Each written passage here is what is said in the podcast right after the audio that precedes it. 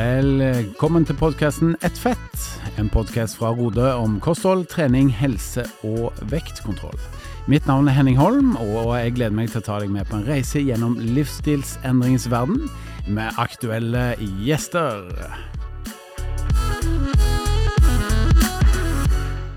Da ønsker vi eh, velkommen til en ny episode vi, av podkasten Ett uh, fett. Og uh, jeg heter fortsatt Henning, og da er jeg tilbake med min faste følgesvenn, som vi sier Halvor Laustad. Velkommen, velkommen.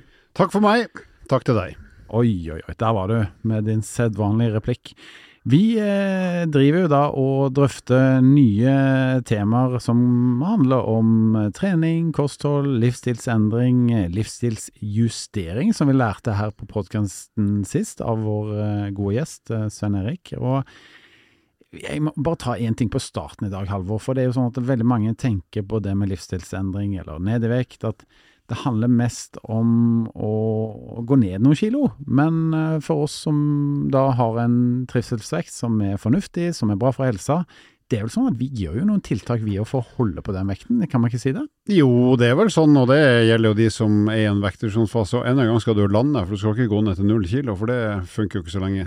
Så, eh, så det er jo et poeng å, å finne, finne, en eller annen måte å det, være i en slags balanse som man trives med. Da. Så for min egen del så er jeg jo fortsatt veldig glad i å trene, så jeg bruker jo det Treninga gjør jeg jo først og fremst for at jeg liker å være i god form, og så har jeg blitt utrolig glad i å sykle, og så har jeg lyst til å bli bedre enn dårlig til å sykle, for nå er jeg ganske dårlig eh, sammenlignet med de som er god, og så har jeg lyst til å bli litt bedre enn jeg er nå, så da må jeg trene mer enn før. Så nå, nå bruker jeg rett og slett treninga primært for at jeg syns det er gøy å sykle, men da blir jo det også et sånn vektbalanserende eller vektkontrollerende eh, instrumenter i, i, forhold til kostholdet mitt. For jeg er jo, blir jo ofte veldig sulten etter trening, og så trener jeg jo ofte på ettermiddag kveld, siden jeg har mye annet å gjøre eh, før det. Og da blir jo ofte måltidet etter trening for min del ganske stort og ganske seint, som jo egentlig ikke er så smart.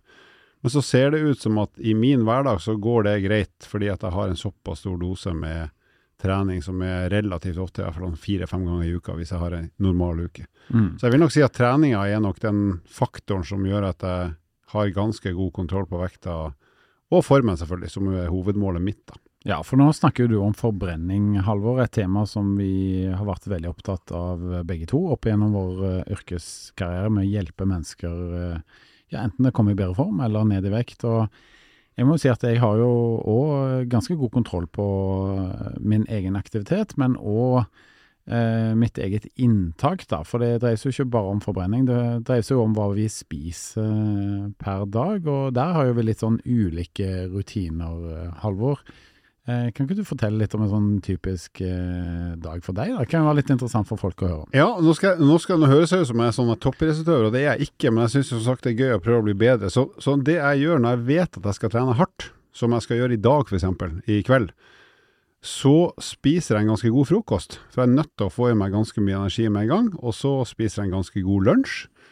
Og så spiser jeg en ganske liten middag når jeg kommer hjem, som kanskje er sånn i femdraget, fordi at jeg orker ikke å være veldig mett før jeg skal trene hardt. Så da er det ganske stor frokost, ganske stor lunsj, ganske liten middag, og så er det ganske tøff økt hvis den blir som jeg håper. Uh, og den tar fort halvannen times tid og er ganske hard. Uh, og så blir det da en ganske stor kveldsmat, uh, og da sier jeg stor i forhold til det de aller fleste spiser. Så da har jeg egentlig Det er liksom den der hardtreningsdøgnet mitt. Og hvis jeg har mer sånn her OK, i dag vet jeg ikke om jeg skal trene, eller jeg skal trene lett, eller kanskje jeg bare går, går meg en tur mens ungene er på trening, da spiser jeg ofte veldig lite til frokost, for jeg er liksom ikke sulten. Så spiser jeg en god lunsj, og da flyter jeg fint på den fram til middag, som er sånn i fem-seks-tida, og hvis maten er god, hvis det er lov å si det, uten at de som er bortsomme hører på, så eter jeg mye av den. Og hvis maten ikke er så god, som, eller som jeg ikke liker så godt, så blir det litt lite middag, og så blir det heller mer kveldsmat. Så da regulerer jeg på en måte stor middag, litt mindre kveldsmat, og blir det lite middag for at jeg er en liten drittunge som ikke likte maten så godt, så blir det desto større kveldsmat. Mm. Så det er liksom sånn jeg regulerer kostdøgnet mitt på hverdagene, rett og slett i forhold til hva jeg vet eller håper jeg skal gjennomføre av trening. Da. Ja, og det du avslører nå, det er at det er jo egentlig ganske gjennomtenkt, og du tar egentlig en sånn temperaturmåler på deg selv. Eh, du har kjennskap til forbrenning, du har kjennskap til kosthold, Og så kalibrerer du litt underveis. Altså i dag trenger jeg det, eller i dag trenger jeg ikke det, osv. Jeg må jo si at uh, jeg er jo ganske lik i tilnærmingen min. Jeg er ikke sånn som følger et, liksom et fast rutinemessig mønster med å spise veldig mange ganger til dagen. Jeg er ganske flink til å lytte til signalene som kroppen min sender, da, at nå er jeg veldig sulten og trenger mat. Og så tar jeg meg inn i regnestykket hva jeg spiste i går, eh, skal jeg trene i dag eller ikke. Og, så og så, så tilpasser jeg litt i forhold til det. Men der hvor jeg kanskje er litt sånn kontroversiell, er at jeg pleier jo ikke å spise frokost. Eh, jeg, jeg, pleier å droppe den og spise først eh, til lunsj. Jeg kan òg løpe til jobben, 7-8-9-10 km uten problem. Men det har òg litt med å gjøre at jeg spiser jo egentlig en god eh, dose kveldsmat. Jeg er veldig glad i kveldsmat, og derfor tilpasser jeg òg da med ofte droppe frokosten. Men Dersom jeg vet at jeg ikke har så god tilgang på lunsj, f.eks., eller at jeg skal trene ganske hardt midt på dagen, så spiser jeg gjerne frokost. Men jeg må liksom ikke spise frokost for at jeg skal ha det bra gjennom dagen. Jeg har jo en ganske stillesittende jobb, eh, eventuelt stående som personlig trener, som gjør at jeg trenger egentlig ikke så mye påfyll av mat tidlig på dagen. Og der kan du si at I den forrige jobben min, som ikke er så lenge siden, da var jo ofte så var jeg ute for å åpne treningssenter eller gjøre de klart til åpning. og Da er det mye flytting av utstyr. Det er ganske fysisk hard jobb. og da, da spiste jeg alltid ganske mye frokost, for da vet du egentlig ikke når får jeg lunsj og hva blir det. Men sånn som her, her som er en en interessant arbeidsdag, men den er ganske slapp fysisk, det må jeg innrømme. Her klarer jeg meg fint uten frokost så lenge jeg har spist en god kveldsmat, men da blir jeg ganske sulten til lunsj, og da blir lunsjen ganske svær. Så der er også litt sånn i forhold til hva er innholdet i dagen min i forhold til sånn bevegelse fra morgen til sånn i 11-12-tida. Mm. Nå har vi i Rode, har, vi, har jeg skjønt, spiser lunsj halv tolv, så det er akkurat da jeg begynner å bli veldig sulten. Så de, hvis jeg ikke får i meg frokost, så passer det helt perfekt. Den er god. Men før vi eh, begynner å, å snakke om uh, gjesten vår uh, sitt uh, store prosjekt her i dag, så kan vi ikke si litt om det med forbrenning, Halvor? For det, det er ofte delt litt sånn i tre, da. du har hvileforbrenningen, og så har du gjerne litt sånn aktivitetsforbrenning, og så har du treningsforbrenning. Kan du fortelle litt om, om disse forbrenningsformene, og hva, hva, som er forskjellene på de? For det er gjerne totalen av de tre da, som utgjør uh, det daglige uh, ja, forbruket vårt av, av, kalorier. Ja, Hvis vi begynner med hvileforbrenninga, den har vi jo med oss bestandig. For det er jo rett og slett uh, den laveste forbrenninga kroppen har, og den surrer og går døgnet rundt så lenge vi lever.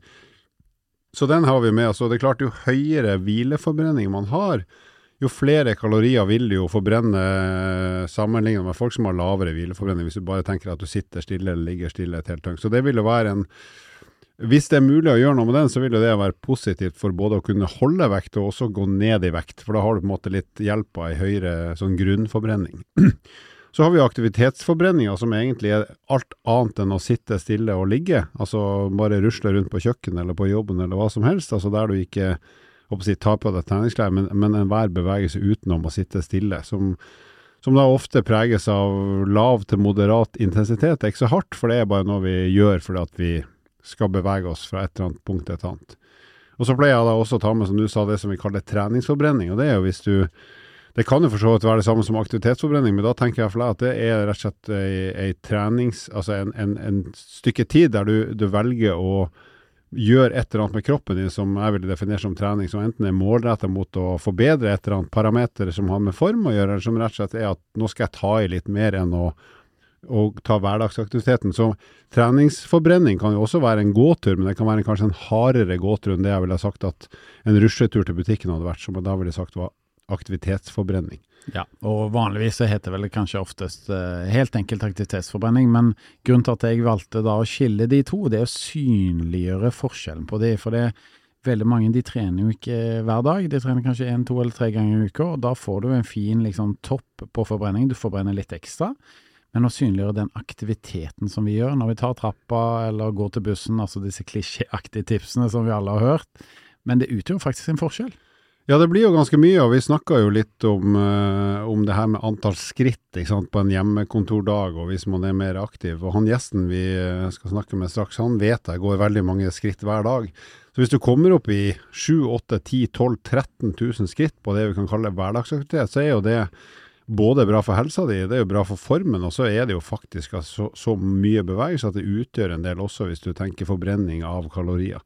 Som jo vil være til kjempehjelp, enten du skal for så vidt opp i vekt, holde vekt eller gå ned i vekt. Så liksom tar du bort 10 000 kritt fra hverdagen, så betyr det veldig mye i, i rett og slett kaloriforbruk. Mm. Og eh, når vi vet at den norske befolkningen da har blitt eh, ganske inaktive de siste årene, og eh, ja, valgene som vi har av usunn mat, de blomstrer bare hele tiden. Det finnes flere og flere av de. Så har da kiloene på vår neste gjest, de har sneket seg på i løpet av halvannet år. Og om et lite øyeblikk så skal vi få møte denne karen som skal fortelle om sitt nye prosjekt. Da vil vi gjerne ønske velkommen til deg, Sven Erik eh, Dahl. Du var jo med oss eh, her i forrige episode òg, men du har et såpass spennende prosjekt eh, foran deg at vi tenkte vi må invitere denne hyggelige ja, hva sier man, eh, rørosværingen tilbake igjen. For det, du har noe spennende på gang. Velkommen til oss. Tusen takk. Det heter ikke rørosværing, det heter rørosing. Rørosing? Ja, ja, det, Bare rør.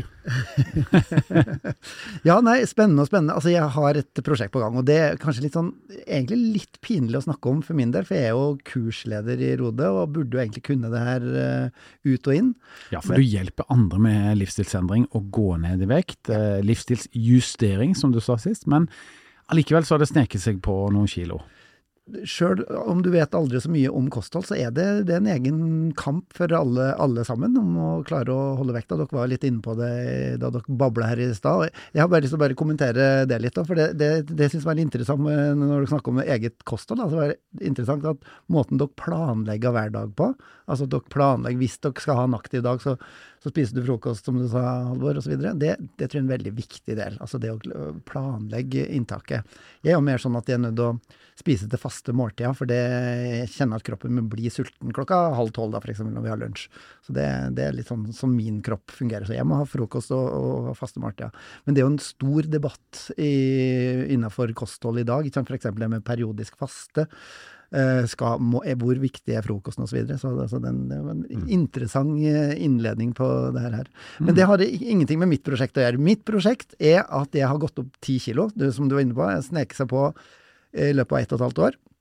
Og det må jeg, nå må jeg ta tak. Eh, og da ble jeg faktisk litt inspirert av da min nye kollega Halvor som har skrevet den boka 'Fra tjukkas til kjekkas'. Eh, den er jo en gammel, gammel bok, Halvor. Gammel slager. Gammel slager som nå eh, har blitt Det er klassiker. Den er så gammel at den er i papirformat. den fins ikke digitalt. og jeg sitter vel snart med den eneste, eneste eksemplaret igjen. Korrekt. Men det har blitt egentlig litt min nye bibel, må jeg nesten si. For det at der, den traff meg. Eh, den traff meg fordi at du skriver veldig morsomt. Liksom, Betyr det da at jeg er din nye gud? Eller er det bare boka som er Bibelen? ja, vi får, får se, da. Får se. du har litt å bevise der. Jeg har litt å gå på der. Jeg ser vel mer ut som Jesus uten hår. Ja, ja, ikke sant. ikke sant. Snart henger, henger vi deg på korset. Nei. Uh, nei, men uh, Nei, men altså, som sagt, den boka likte jeg fordi at den snakka til meg, og jeg tror egentlig ganske mange menn. For det er jo, det, er jo, det, er jo, det må sies at det er jo en Det er en herrebok. En herrebok, for det du intervjuer, var det sju karer? Ni stykker. Altså både han, hun og hen må gjerne lese den, men den er nok primært har en sånn innpakning og språk som jeg tror treffer best hos en mannlig lesegruppe. Ja, men la oss liksom ta first things uh, first her. Og, og hvilke, altså, hva er prosjektet i boka, Halvor? Bare si litt om det før vi slipper i gang. Eh, Søndag. Det er å få ni karer som er i alt fra middels form til veldig dårlig form, til å komme i veldig god form på åtte uker. Mm. Rett og slett med veldig effektiv trening. Ja. Og navnet, navnet, på boka, det Det er fra tjukkast til kjekkast', ja. som er ment som en morsom tittel for uh, uhøytidelige mannfolk som syns det her var ganske kult. Ja. Og den traff meg, som sagt, for jeg føler meg som en tjukkas nå og har lyst til å bli en kjekkas. Ja, altså, bare for å si det, du er kjekk som du er. Det handler vel kanskje ikke om det, selv om vi liksom sier litt morsomt her rundt tittelen. Men, det, men uh, det handler jo da om at du skal ned på et helsemessig fornuftig nivå. Det også, men det er lov å være forfengelig for oss eh, karene, er ikke det? Jo, jo. Jeg, jeg, føler at nå er magen litt for stor, og den må jeg, må jeg ta tak i. Og det å likte med, med din bok, uh, Halvor, det er at ja, du har veldig mye fokus på, på fysisk aktivitet. Jeg liker jo fysisk aktivitet, og vet at jeg, hvis jeg bare gir gi litt mer innsats, så tror jeg at jeg skal klare å komme meg i bedre form enn det Og jeg bare skyte inn her nå, nå mye, mye innskudd til bisetninger, men du er jo ganske god til å spille tennis. det er. ikke? Og, så det her er vel litt sånn at du kanskje blir enda bedre til tennisspillinga òg, kanskje? Skal vi ta sjølskrytet, da? Jeg er europamester i homotennis. Ja, så, så det, den, den eh, rager Det er ikke verst, altså. Jeg er kretsmester i gutter tolv år fotball, så det er ikke i nærheten. Men, men for å komme tilbake til eh, mitt prosjekt, da, så er det rett og slett at jeg, jeg kjenner at jeg er ti kilo for tung nå. Og det, og det er egentlig litt sånn det, liksom, det har kommet et steg der jeg føler at jeg ikke kan stå foran mine kursdeltakere og, og være ærlig på at jeg må også leve som jeg lærer. Eh, og der, dermed så har jeg tenkt at nå skal jeg bruke ti uker på å prøve å gå ned ti kilo. Eh, viktigste er ikke de ti kiloene, det viktigste er å få en mer sunn helse, som du var inne på, Henning, og, og bli eh, mer fornøyd med meg sjøl, rett og slett, altså. Mm.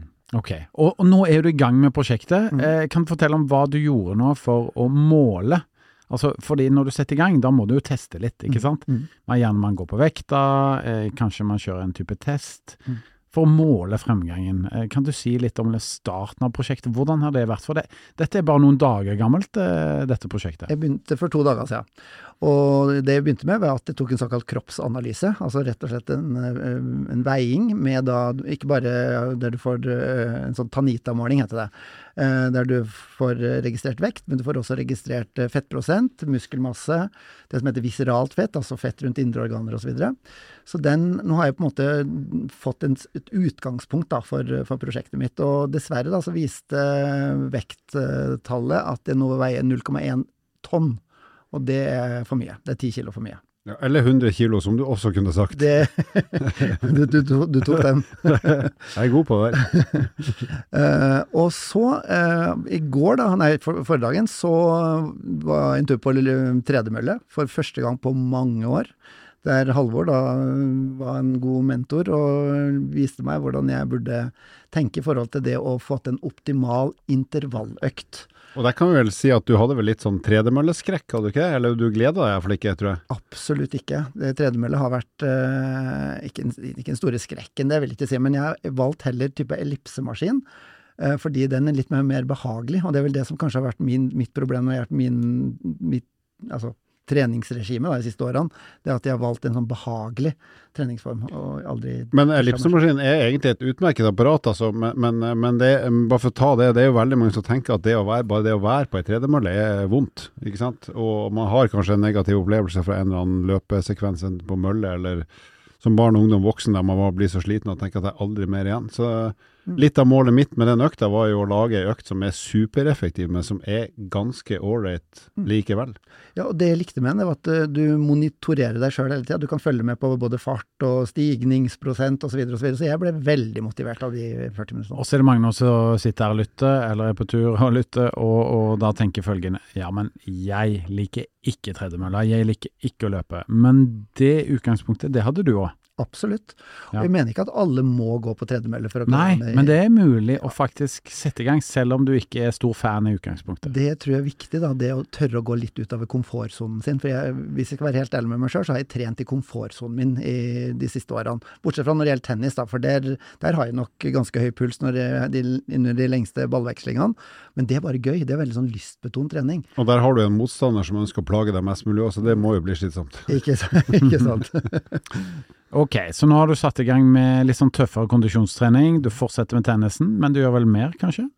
Ja, og veldig fokus på kosthold igjen, da. For det er klart Mm. at det har jo sklidd litt ut uh, i det siste. Og det er rett og slett sånn som den har en tendens til. Det handler om vanene våre. Uh, og jeg har egentlig hatt etablert ganske gode og sunne vaner da jeg gikk ned med rodemetoden uh, for noen år siden. Men eh, så skjer livet, og så sklir du litt ut, og det blir bitte litt mer sjokolade, ikke bare på lørdager. Så nå må jeg rett og slett eh, justere inn på, på de målene. Så jeg kommer til å følge de rådene som vi i gir til alle våre kunder, eh, og rett og slett følge rodemetoden. Og den går jo rett og slett ut på det vi kaller kalorirestriksjon. Altså du skal spise litt færre kalorier enn det du forbrenner for å gå ned de ti kiloene, da. Kan jeg, hvis det er noen lyttere nå, så tenker jeg ok, men hvordan var egentlig den mølleøkta? Hvis den uh, ikke var grusom, hvordan går det an, liksom? Så hvis, skal vi ta en kjapp runde? Jeg kan jo forklare litt hva du gjorde. Ja, fint. Uh, da er jo målet er jo at han skal få jobba så hardt at han får et større og sterkere hjerte. Så da må han trene ganske hardt. Han, han blir andpusten, og hvis du er interessert i sånn prosent av makspuls, så jobber han på rundt sånn 85-90% av sin makspuls. Men det er mange måter å få til så høy puls på, så vi tenkte la oss nå unngå å springe så fort som mulig, for da blir du stokk stiv i beina, og så får du ganske tøff belastning. Så det vi gjorde var at vi satte tredemølla på 10% stigning. Og hvis du da ikke vil springe på tredemølle eller gå på tredemølle, så kan du jo finne deg motbakke. Det er jo akkurat like bra, eh, og da får du til og med frisk luft. Eh, og så er han eh, Svein Erik han er i så god form at han kan jogge.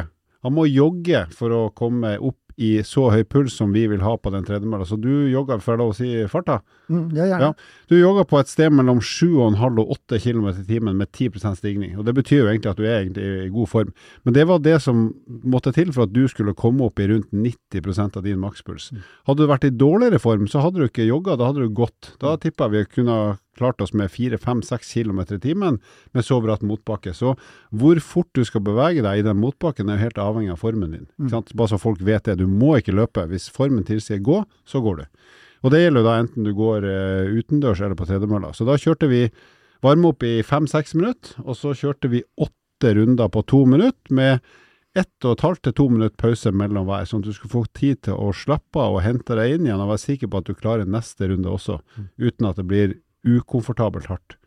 Eh, og er du da utendørs og holder på i en motbakke, så kan du jo tenke at i pausen så går jeg nedover. Så går jeg så langt ned at jeg vet at jeg kan gå oppover til jeg skal ha pause igjen.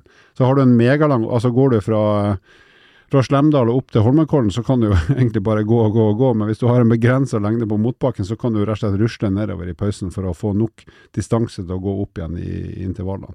Så det er i korte trekk den økta jeg vil og tror at det er bra for deg, som du kan gjøre maks to ganger i uka. Minst én gang og maks to, fordi at du skal ha overskudd til både å gjøre andre ting enn trening, og så ikke minst det at du er så glad i å, å spille tennis, som er det du liker best. Så da må vi ikke ødelegge for det. Pluss at eh, det er jo en veldig tidseffektiv måte å trene på. da.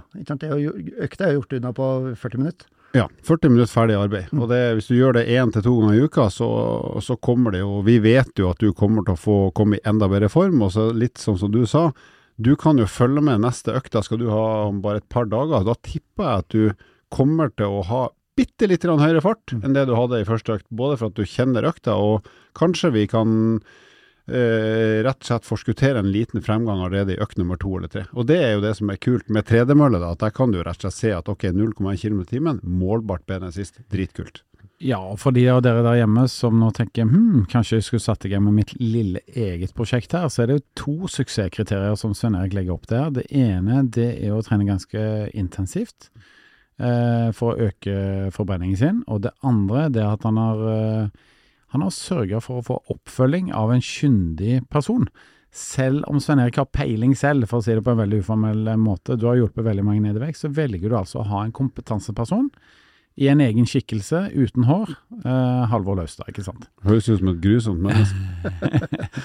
Men, Men, men, men det er jo to suksesskriterier her som er veldig viktige. ja, vi, og, og bare det å ha noen som eh, En ting er det faglige, men også det, den som står der og pusher. Som, og du føler liksom en trygghet i at det her er en person som kan, kan Mm. det han snakker om, og da tør du å ta i litt mer også. Ja, for det er jo det samme du gjør når du har folk på kurs. da. De går jo ukentlig da på kurs eh, hos deg, og, får da tips og råd og eh, hjelp, eh, rett og slett. Mm. Pluss at de aller fleste går jo i kurs, det er ikke én til én, det er i gruppe. Og Mm. da blir det en sånn Det, det må jeg si er litt av geniale med, med rodemetoden. Altså at det er det er, man, man blir en sånn heiagjeng for hverandre. Sånn at én ting er at det er den fagpersonen i gåseøynene som, som snakker om tema og snakker om kosthold og snakker om viktigheten av trening og sånne ting. Men det å øh, være en, en gjeng som øh, skal hjelpe hverandre ned i vekt, ofte, og særlig blant menn, tror jeg, det er sikkert det samme blant kvinner, men særlig blant menn så er det veldig få arenaer der du kan snakke om egen, egen kropp og egen vekt, og, og, for det er litt sånn tabubelagt. Så du sier egentlig at disse her gode, gamle Grete Rode-kursene, altså, de funker enda i den digitale tidsalderen som er 2022. Det å faktisk møte fysisk opp på kurs da, og, og få hjelp av en kursleder. Og det er ikke bare noe jeg mener, men det er jo også, vi har vitenskapelige tall på det, at det å gå ned i vekt sammen med andre fungerer bedre enn det å gjøre det én til én. Mm. Uh, uavhengig av fagkompetanse på den som hjelper deg ned i vekt. Og så vet vi også når det gjelder treningsvaner også, at det å ha en eller annen enten som altså, som i hvert fall følger med der, som du kan trene sammen med. altså Jeg og du Henning følger jo hverandre, og vi tøver jo litt med hverandres uh, utvikling her og der. Men vi, det gjør jo også at vi syns det Vi holder oss litt mer til det vi har planlagt, for at det er en annen som følger med, på en positiv måte. da. Så Mm. det blir liksom en sånn hyggelig kompis som overvåker deg litt, men i beste mening. Absolutt. Og Ja, og et, par eksempler på det, hvis vi skal ikke ta oss selv så veldig høytidelig. Så hvis Halvor sier at åh, nei, nå er ikke formen helt på topp, så pleier jeg bare å si ok, tren litt mindre en uke, du. Fordi jeg vet at han trener såpass mye, han er ikke så flink på restitusjon. Mens med meg så er det motsatte. Jeg trener ganske greit, men jeg er ikke så glad i å øke intensiteten så mye. Så da sier han liksom ok, men nå trener du for slapt. Og, og da hjelper vi hverandre litt sånn i hverdagen. Jeg sier det faktisk hver uke. Touché. Bra. Men Svein Erik, du gjør jo mer enn å bare øke aktiviteten din og trene bedre og få oppfølging. Eh, Du gjør jo noe med kosthold òg, gjør du ikke det? Hvilke tilpasninger har du valgt å gjøre der? Eh, og det er mange. Men altså, jeg følger jo, som jeg sa i stad, rodemetoden. F- eh, registrerer all mat jeg spiser. Hva jeg spiser til frokost, hva jeg spiser til lunsj, hele, hele pakka. Og da bruker du en app, da? Da bruker jeg Rode-appen, sjølsagt. Den mm. syns jeg er veldig motiverende, fordi at vi har det vi kaller en kostholdsscore. Mm. Der du får en poengberegning ut ifra hvor sunt du spiser. For det er også en veldig viktig del av rodemetoden, at det ikke bare Det er ikke bare under på kaloriene, du spiser faktisk eh, riktig mat òg, for å si det sånn. Kvaliteten på kaloriene er minst like viktig som antall kalorier. Og, det, og da er det her med grønnsaker, da. Vet du, gutter, jeg vet at dere ikke er så veldig glad i grønnsaker. ikke snakk om det nå, vel. Kan ikke snakke om trening? Jeg er faktisk veldig glad i grønnsaker. Jeg kan bruke sånne små jippi-tomater, sånne søte tomater, som sånn snacks på ettermiddagen. Det Hva har du til, da? Har du sjokolade til, eller? kun tomat. Det er best. Seriøst? Ja, ja, det er kjempegodt. Ok, hvis nå, nå, nå skal jeg være helt ærlig. Jeg, mitt forhold til grønnsaker har alltid vært uh, at jeg ikke Jeg, må jeg syns det ikke er noe spesielt stas, helt fra jeg var liten. Uh, jeg har liksom ikke kommet over det. Jeg har akseptert at ruccolasalat har faktisk smak, så det, det kan jeg faktisk sette pris på. Både i taco og til litt sånne kjøttretter. Men utover det så har jeg rett og slett Og så syns jeg agurk kan være bra som en del av pålegget, og, og paprika opp og hvitost f.eks. Men utover det så har jeg liksom ikke klart å finne noen grønnsaker som tenker at åh, det her gir på en måte måltid merverdi, så kan du hjelpe meg. Hva, hvis du Altså- ser bort fra de tomatene, for det, det tror jeg ikke jeg går på. Altså. Men har du noen andre tips på sånne grønnsaker som kan krydre mitt eh, Altså, jeg, jeg tror nå er du veldig mann, eh, Halvor, for det, jeg tror det, er- og det merker jeg på de kursdeltakerne mine, og det er veldig mange menn som ikke er spesielt glad i grønnsaker. Men jeg vil jo påstå at det her er en sånn måte å utvikle smak på, for at uh, hver grønnsak smaker litt forskjellig. Altså, og jeg har veldig tro på det med variasjon, da. Så det å lage seg en salat, f.eks. Til, til middag, da, vi opererer med det vi kaller tallerkenmodellen eh, i Rode. ikke sant? At du snakker om at du deler inn tallerkenen i tre deler. En tredjedel kjøtt eller fisk, en tredjedel pasta, ris eller potet, og en minimum en tredjedel grønnsaker, gjerne litt mer. Og når du begynner å liksom dandere det, så er det jo faktisk litt artig å liksom lage den der uh, tallerken, tallerken Og det blir, det blir jo så fint, ikke sant? Det er jo så fargerik og fin, de grønnsakene. Ja, det er altså din tallerkenmodell, Halvor. Det er vel mer sånn 50-50, er det Ja, ikke altså, jeg har delt den i tre, men to av de tredelene er kjøtt. Men, men eh, sånn fra spøk til alvor, eh, eller fra spøk til halvor, Takk for meg. tok du den? Takk til Ja. deg. Nei, så, så kan jeg jo si at uh, jeg eh, deler Deler erfaringene mine her, jeg òg. De er ganske like som Halvor sine. Jeg er ikke så glad i de grønnsakene. men jeg vet det bare for meg, så jeg putter de på tallerkenen osv. Men det jeg har testa, da, det er jo da med mine egne unger. At så lenge jeg har begynt med dette fra tidlig alder, og kutta det opp til de, putta det i skål og satt det på bordet, så spiser de det. Mm. Eh, så jeg tror at kanskje vi, Halvor, vi mangler kanskje den positive pushen som fra barndommen, da. Og jeg eh, må i hvert fall si, jeg kan ikke snakke for deg, men for min egen del, jeg fikk noen grønnsaker på bordet, jeg òg. Men eh, jeg valgte jo ofte ikke spise de, og jeg ble nok ikke pusha så hardt på det. og Det er nok de rutinene fra gammelt av som kanskje ligger der. Jeg har jo et veldig godt minne om grønnsaker. Det at når vi dyrka gulrøtter da jeg var liten gutt, det var veldig godt å huske. Altså Dra opp gulrøtter fra jorda og, ja. og vaske i, i kaldt vann, det var rett og slett det var godt, altså. Godt, godt. Så og, kanskje finne tilbake igjen til noe sånt. Og, Ja. det, og det kan være en god taktikk, for ikke sant? vi sier at du bør minimum spise 300 gram, grønnsaker hver dag. Og en gulrot den veier opp til 150 gram kanskje, hvis den er litt stor, så da trenger du egentlig bare to gulrøtter, så har du nådd, nådd nådd grønnsaksmålet for den dagen. Hvor mange hundre gram kjøtt er det? 800-900 gram? Er? Så, mye- så, så mye som mulig. Bra. Men eh, la oss snakke litt om altså, okay, Du er veldig flink på grønnsaker. De skaper en god metthetsfølelse, selv om de er lave på kalorier. Det er en smart, eh, smart måte å mette seg selv på, da, som er positiv. Eh, ingen tvil om det. Men har du da noen sånn eh, guilty pleasures eh, som du kan innrømme òg? For det, det tror jeg folk vil, vite litt om. Ja, og det, det må jeg dessverre si at jeg slår ut på alt. Skulle si. Alt, alt usunne er jeg glad i. Altså snacks, sjokolade, ja, alt det som du vet Alkohol, for så vidt. eh, som du vet at du bør begrense mengden av. Det Jeg liker alt, og må faktisk jobbe gnellhardt med meg sjøl for å klare å unngå å spise det. Men vi vil høre tre, dine topp tre, hvis du kan liksom velge i Hvis du virkelig skal kose deg med noe du bare syns er så megagodt uh, i en fornuftig mengde, hva, hvilke tre ting hadde du virkelig kost deg med da? Uh, oh, det her er nesten litt pinlig. Cheese doodles. Ja, men det er jeg 100% Det er jo livsfarlig, for det er jo det mest kalorierike. Spiser du med gaffel eller fingre? Spis med fingra. Ja, ja. Ja. Ungene mine spiser med på fingrene etterpå. Ja, det, er, halve gleden. Og, og så, hvis du skal ha tre, eh, firkløver. 200, Gjerne 200 gram Fra kjøleskapet eller Nei, nei, romtemperert. Der er jeg på kjøleskapet, altså. Enig. Og så har du cashewnøtter. Og gjerne en blanding. Sant? Salt og søtt sammen. Det er jo livsfarlig. Mm. Altfor godt. Men det er jo gjerne denne her eh, eksplosjonen, holdt jeg på å si, av eh, søtt, eh, altså sukker og fett, Mm. da. Som eh, gjør at vi blir så glad i disse tingene. Altså eh, Lykkesenteret vårt, det, det jubler jo hver gang. Det er jo en grunn til at vi blir hekta på disse tingene, ikke sant? Man kaller jo det the bliss point. Eh, produsenter, de som lager mat, de prøver hele, hele tida å finne the bliss point. Altså, det, det, det, altså den smaken som du på en måte ikke kan motstå. Da. Mm. Og det handler om fett, søtt og salt uh, samtidig. Og nå kan jeg spørre dere da, gutter.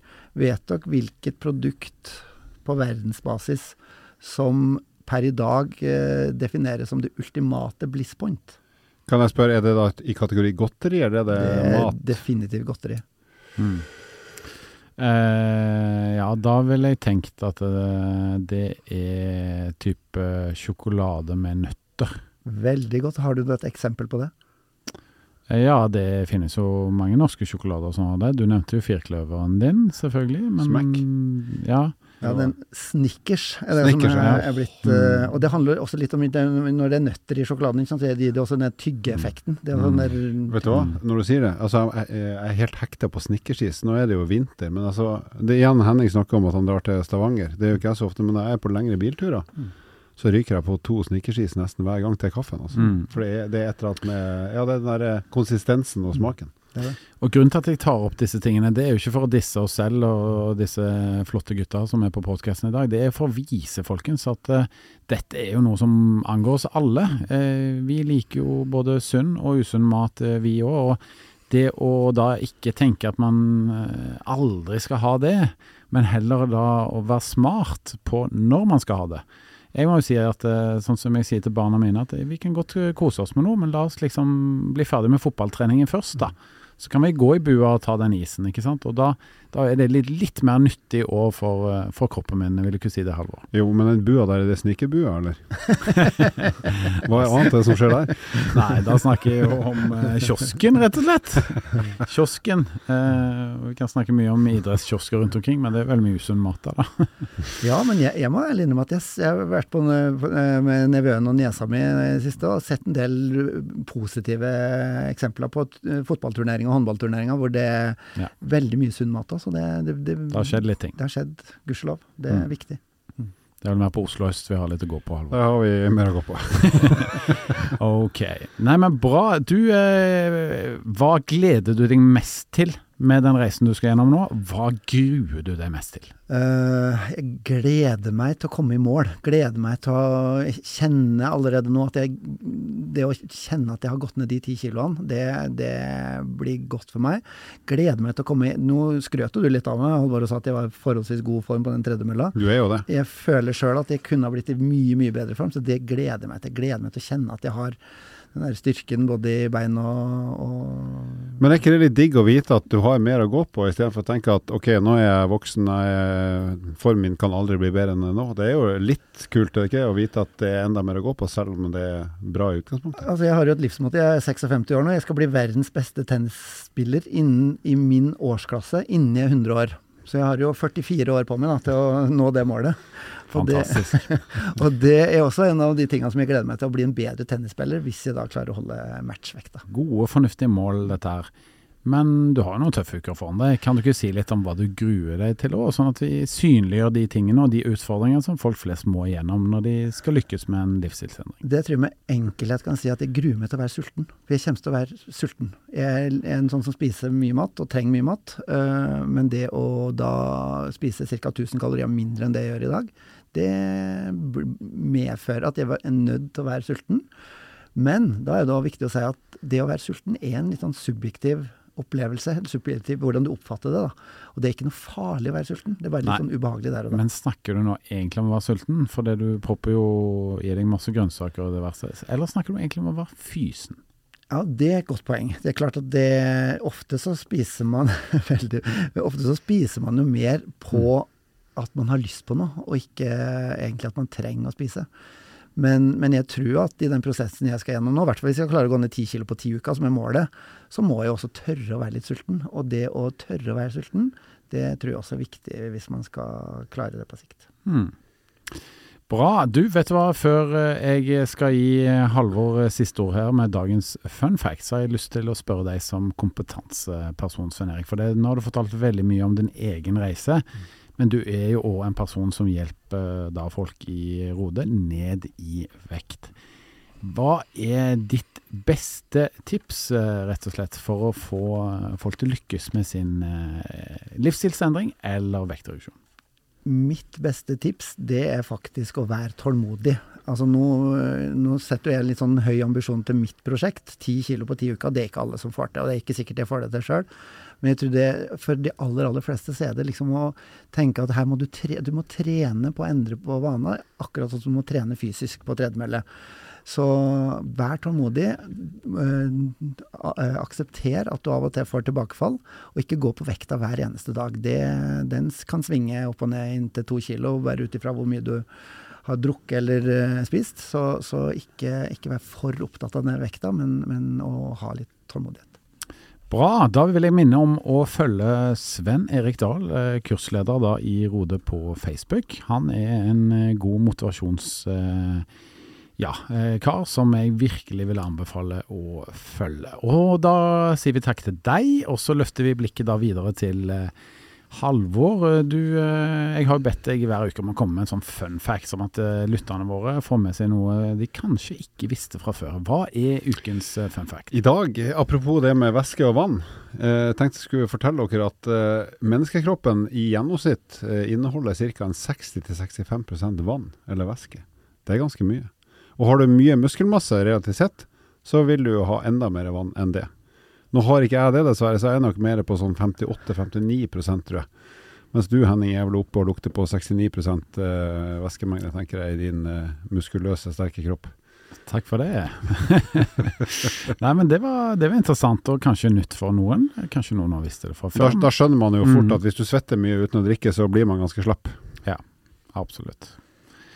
Da er vi ved veis ende for i dag. Vi har lyst til å takke for at nettopp du lytta på, og at du fant noe nyttig i dagens podkast. Neste episode så kommer det en ny gjest med en kjempespennende historie. Det får være dagens cliffhanger. Så med det så gir jeg siste ord til deg, Halvor. Ja, da vil jeg bare si til deg, kjære lytter, at uh, du har bare ett skritt, men ta så mange som mulig av de hver dag. La den henge. Uh, takk for oss. Takk for at du lytta på nok en episode med podkasten Ett fett. Dersom du er interessert i å lese mer om eh, livsstilsendring, gå inn på Rode-magasinet på rode.com.